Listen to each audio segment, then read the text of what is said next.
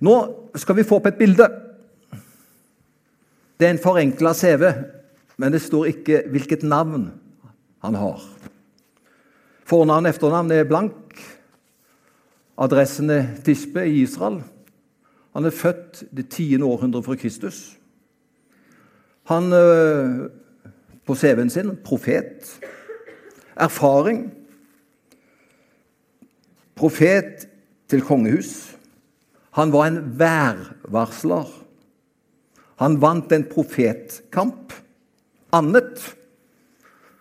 Han ba. Han var lydig. Han var kreativ. Han var uredd. Og så er det et viktig stikkord. Han fikk ingen grav. Og så har jo enhver CV noen referanser. Referanse det er Jesus Kristus og Jakob i Nytestamentet. Og så står det vedlegg et par skriftsteder. Hvem er profeten? Eh, er det mange som tok han? Profeten Elia. Eller Elias, som han heter før. Elia. Det står om han i Jakobs brev, kapittel 5, vers 17 og 18. Der står det Elia var et menneske under samme kår som oss, og han ba. Og så regna det ikke i tre år og seks måneder. Og så står det i neste vers, vers 18, og så ba han igjen. Og himmelens Gud gav regn. Altså, han ba, og han ba igjen. Så eh, Elia var en bønnens mann. Og så var han det som jeg tror kan passe veldig på Arne i dag, som vi har hørt om. Elia var modig. Du skal være rimelig modig når du går til kongen. Og første gang han møter kongen, så sier han direkte til kongen, og jeg siterer Så sant Herren Israels Gud lever, han som jeg tjener De første årene skal det verken komme dugg eller regn uten på mitt ord. Kan du tenke deg? For en modig type! Som ikke bare knytter bønnesvaret opp til bønn, men faktisk talt at han sjøl skal være med med sitt ord og si når det ikke skal bli regn. Og på hans ord så skal han også si når regnet skal komme.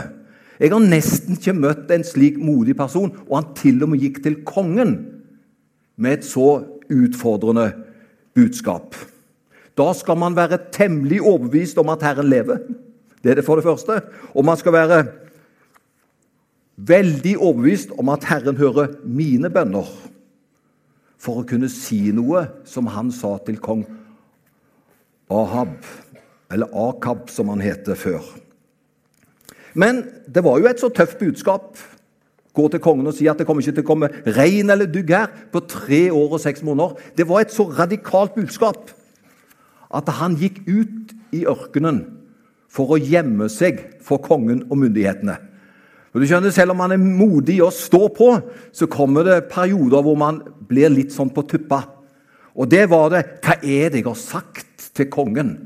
Og så trekker han seg ut i ørkenen, for han hadde nok litt frykt. Og når han er ute i ørkenen, så er det jo ikke mat. Og så skal du høre, Gud er jo genial. Det fantes ikke mat, for det, det fantes jo ikke regn ikke sant, på lang tid. Så når Elia kommer ut i ørkenen, og er der i fortvilelsen, så vet jo Gud at han må ha mat. Hvem er det han sørger for budbringere som skal komme med mat? Jo, det er noen ravner. Og disse ravnene de flysender mat til Elia. Og du vet, dette med ravner, det var rart. Fordi Elia var jo en jøde. Og for jødene så var ravner urene fugler. Det var altså fugler som man avskydde, og de skulle iallfall ikke bringe mat. Sånne ureine dyr. Men profeten han måtte ta imot mat ifra ravnene. Og Jeg syns dette er et veldig flott eksempel. Vet du hva det er et eksempel på? Gud ønsker å tøyle våre holdninger. For våre holdninger de kan ofte være snevre. Nei, jeg gjør sånt og ikke lenger. Men Gud, som har den totale oversikten, han ønsker å tøye våre holdninger for at vi skal bli enda mer inkluderende.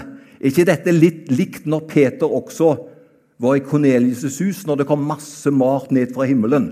Og hvor Peter sier som jøde kan jo ikke jeg spise uren mat.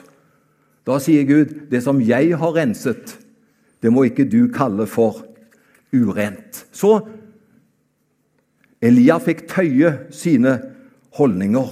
Det var noen ravner som sørgde for mat. Og så går han rett ifra det uvanlige besøket hvor ravner gir han mat. Så kommer han inn i et sted, og der møter han ei kvinne som er så fattig at hun har ingenting å leve for. Men da sier Elia til henne, 'Ørn litt mat' så jeg kan få spise. Og da sier hun ja, men jeg har bare så lite mat igjen, og det er bare litt som jeg og min sønn kan spise før vi dør. Og da sier profeten ja, det er greit, men la meg jeg få litt mat først. Og så er det en dramatisk historie som skjer. Hver eneste dag så får denne enka og sin sønn spise mat på Herrens ord og også profeten Elia blir redda gjennom denne enken. Jeg syns jo Gud kunne vært smartere eller gå til ei fattig enke. Men Gud har kontrollen, og Gud bruker hvem han vil. Og når Gud får gjøre slik som vi hørte med den matpakken, når Gud får velsigne den lille matpakken, så blir det til stor velsignelse til Guds ære. Det andre vi kan si om, eh, om Elian, Elia, han var en apologet. En del unge vet hva apologet betyr. Ikke alle vet kanskje hva en apologet betyr. Det betyr at man er en sånn som reiser seg opp og forsvarer troen. Det er sånn trosforsvar. En apologet. Du står opp for sannheten, for troen. Og det gjorde Elia. En dag så går han til eh, kongen igjen. Da var den perioden på tre år og seks måneder over. Og Gud hadde jo på mirakuløs måte sørga for Elia og f.eks. den enken som vi leste om. Så kommer profeten igjen til kong Akab og sier Nå skal det bli forsvart hvem som er den rette Gud i landet. Den Gud som svarer med ild, han er den rette guden. Og Da skal vi bøye oss og følge den Gud som kan svare fra himmelen med ild. Og det syns jo kongen og 450 Balsprofeter. Alle syns det var en grei sak. Så da blir det sånne fair. Det blir en skvær kamp. Det er en Gud som svarer med ild. Han skal vi følge. Og da stiller de 450 Balsprofeter, og jeg tror også det var kanskje 400 Astartes profeter utenom også, de står på den ene siden, og de roper til sin Gud. En Gud som ikke kan svare. Og Det er nesten som Elia er litt ironisk. sier han, Kanskje han hviler middag? Så stå litt mer på, rop litt høyere. Det er noen som tror det at dette høyere man ber, til mer kraftfulle bønnene. Og de roper som de aldri har gjort før. Men guden, han kan ikke høre. Og så sier profeten nå vil jeg be til min Gud. Og Så lager han alter, og så legger han offer oppå. Og så tar han masse vann rundt alteret for at det ikke skal være menneskelig mulig til å ta fyr i det. Det var helt gjennomdynka. Og så ber Elia en liten bønn. Elia sier, sier til Gud, 'Gud, la nå, nå bli klart for alle at du er Gud i Israel.' Og at du er den Gud som vi skal følge og tjene. Og så sier han, 'Svar med ild'. Og du, i samme øyeblikk så kommer ilden ned ifra himmelen og fortærer hele offeret. Og det blir vist for alle at den guden de skulle tjene og stå opp for, det var Gud i himmelen. Han sto opp for sannheten, Elia. Han var en apologet, en som forsvarte troen. Han var også utholdende. Fordi etter at uh, ilden hadde kommet, så skulle det jo komme regn. Og Da skjer det noe som uh, folk som ber for å oppleve.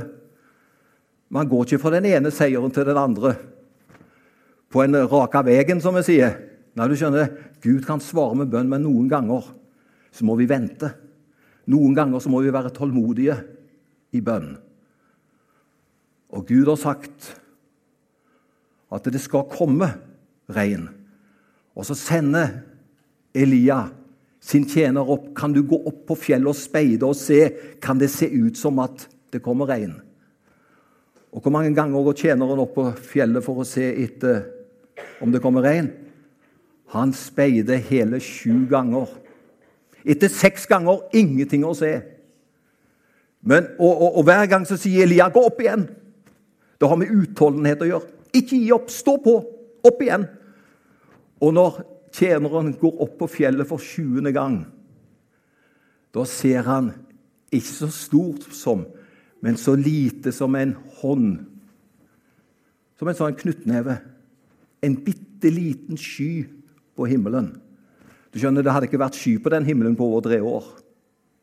Og nå ser de plutselig en bitte, bitte liten sky som viser seg på himmelen. Og da skjønner Har du merka at bønnesvaret kan ofte begynne med noe lite? Det, ikke, det, det, det skjer ikke et bang, men ofte kan bønnesvaret starte med noe lite. Du har bedt og du har bedt og du har bedt igjen, og plutselig så ser du en liten lysning som en liten sky. Og da er tegnet på her er det noe som skjer. Og da sortnet himmelen, og det kom kanon med regn ned. Kunne nesten tro man bodde i Bergen. Det var voldsomt, det var som skjedde der. Han var altså utholdende i bønn. Det neste vil si om Elia Han var et vanlig menneske. Og det vi leser, vet du, Elia var et menneske under samme kår som oss, og han ba. Han var et menneske, og så ba han igjen. Men hvorfor kan jeg si at han var et helt vanlig menneske? Jo, Elia ble deprimert. Kan du forstå du at en Herrens profet, som hadde opplevd så mye godt, kunne også bli deprimert? Han blir det. Og faktisk talt, han ble så deprimert at det hadde ikke stått i Bibelen, så hadde jeg ikke trodd på det. Men fordi det står i Bibelen, så tror jeg på det. Elia ble så deprimert at han rett og slett ønska å dø. Og Da skjønner vi at da er det ille. Han ønskte seg døden. For han var så fortvila. Og det For unnskyld at jeg nevner det på kvinnedagen, for vi hedrer kvinnen i dag. Men den kvinna som jeg nevner nå, det var kona til kongen, Jesabel.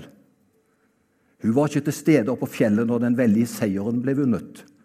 Så når Jesabel hører at alle hennes profeter er blitt drept, så bestemmer hun seg for jeg skal ta revansje på Elia.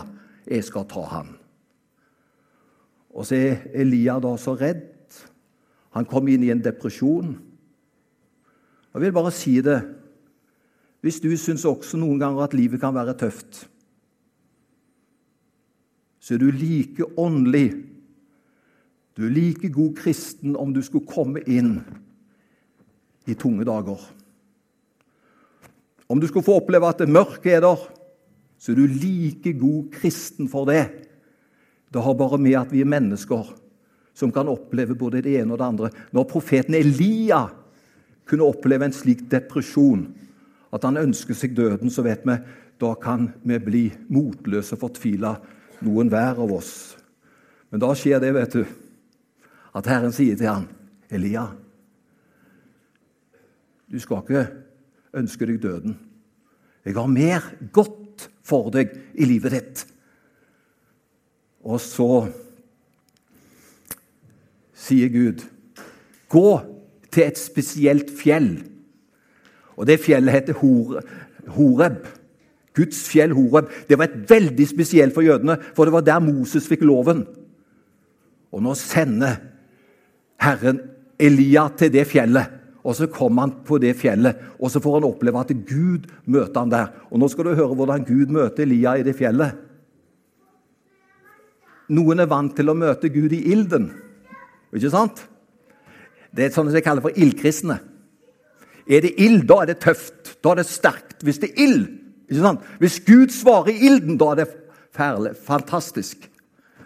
Kan vi kalle de bare for anledninger for ildkristne? Og så er det noen som uh, opplever at uh, hvis Gud skal tale til meg, så må han tale på en sånn kraftig måte at det må være som et jordskjelv. Det må rystes, Guds nærvær. Vi skal ikke være i tvil om at Gud var nær. så Det blir sånn kraftig jordskjelv. Det kan også være en måte som Gud kan komme til oss på, både gjennom ilden og gjennom et jordskjelv. Men hvis det er bare kanalene dine til å møte Gud, da kan du gå glipp av noe viktig. For det står her Gud var ikke i ilden. Han hadde vært i ilden før. Gud var ikke i jordskjelvet han hadde vært i. Det er før. Men så står det så kom det en sakte, stille susen. Det var bare så vidt at man hørte. Det var bare en sånn svak, svak vind som kom når Elia var der. Og vet du hva det står? Gud var i den stille, stille, sakte susen. Og så åpenbarer Gud seg for han i den. Og så får han se at Gud er til stede, og Gud har en plan. Så Elia han var et vanlig menneske som du og meg. Så fikk han oppleve at Gud kom til ham på den måten som vi kunne ta imot Guds nærvær på. Man trengte å møte Gud. Derfor kommer Gud til han igjen og igjen, som vi hørte nå. Og det neste bildet er han holdt ut til slutt. Noen av disse bibelske personene som jeg har tatt for meg, f.eks. Salomo Det ble ikke så god avslutning på hans liv. Så noen rett og slett opplever at det siste veistykket er ikke så bra for noen. Men Elia kan man ikke si det sånn at hans avslutning ble en opptur? Han får jo opp, han. Så hans avslutning ble i sannhet en opptur. Vet du hva? Det går an å leve med Gud så lenge man lever. Og vet du hva? Det går an å leve godt med Gud. Og Elia er et fantastisk eksempel for oss. Han var ikke bare med en periode. Han var med hele veien. Og han fikk være med å tilberede for Guds sak også efter han, skal vi be sammen. Takk, Herre, for ditt nærvær. Takk at du vil også tale til oss, og at vi ikke gir opp når vi ber. Og selv om det kan være mørke ting i livet vårt, så er du der. Og takk at vi kan få holde ut og være gode forbilder så lenge vi lever. Takk at du er med oss alle for navnet ditt skyld. Amen.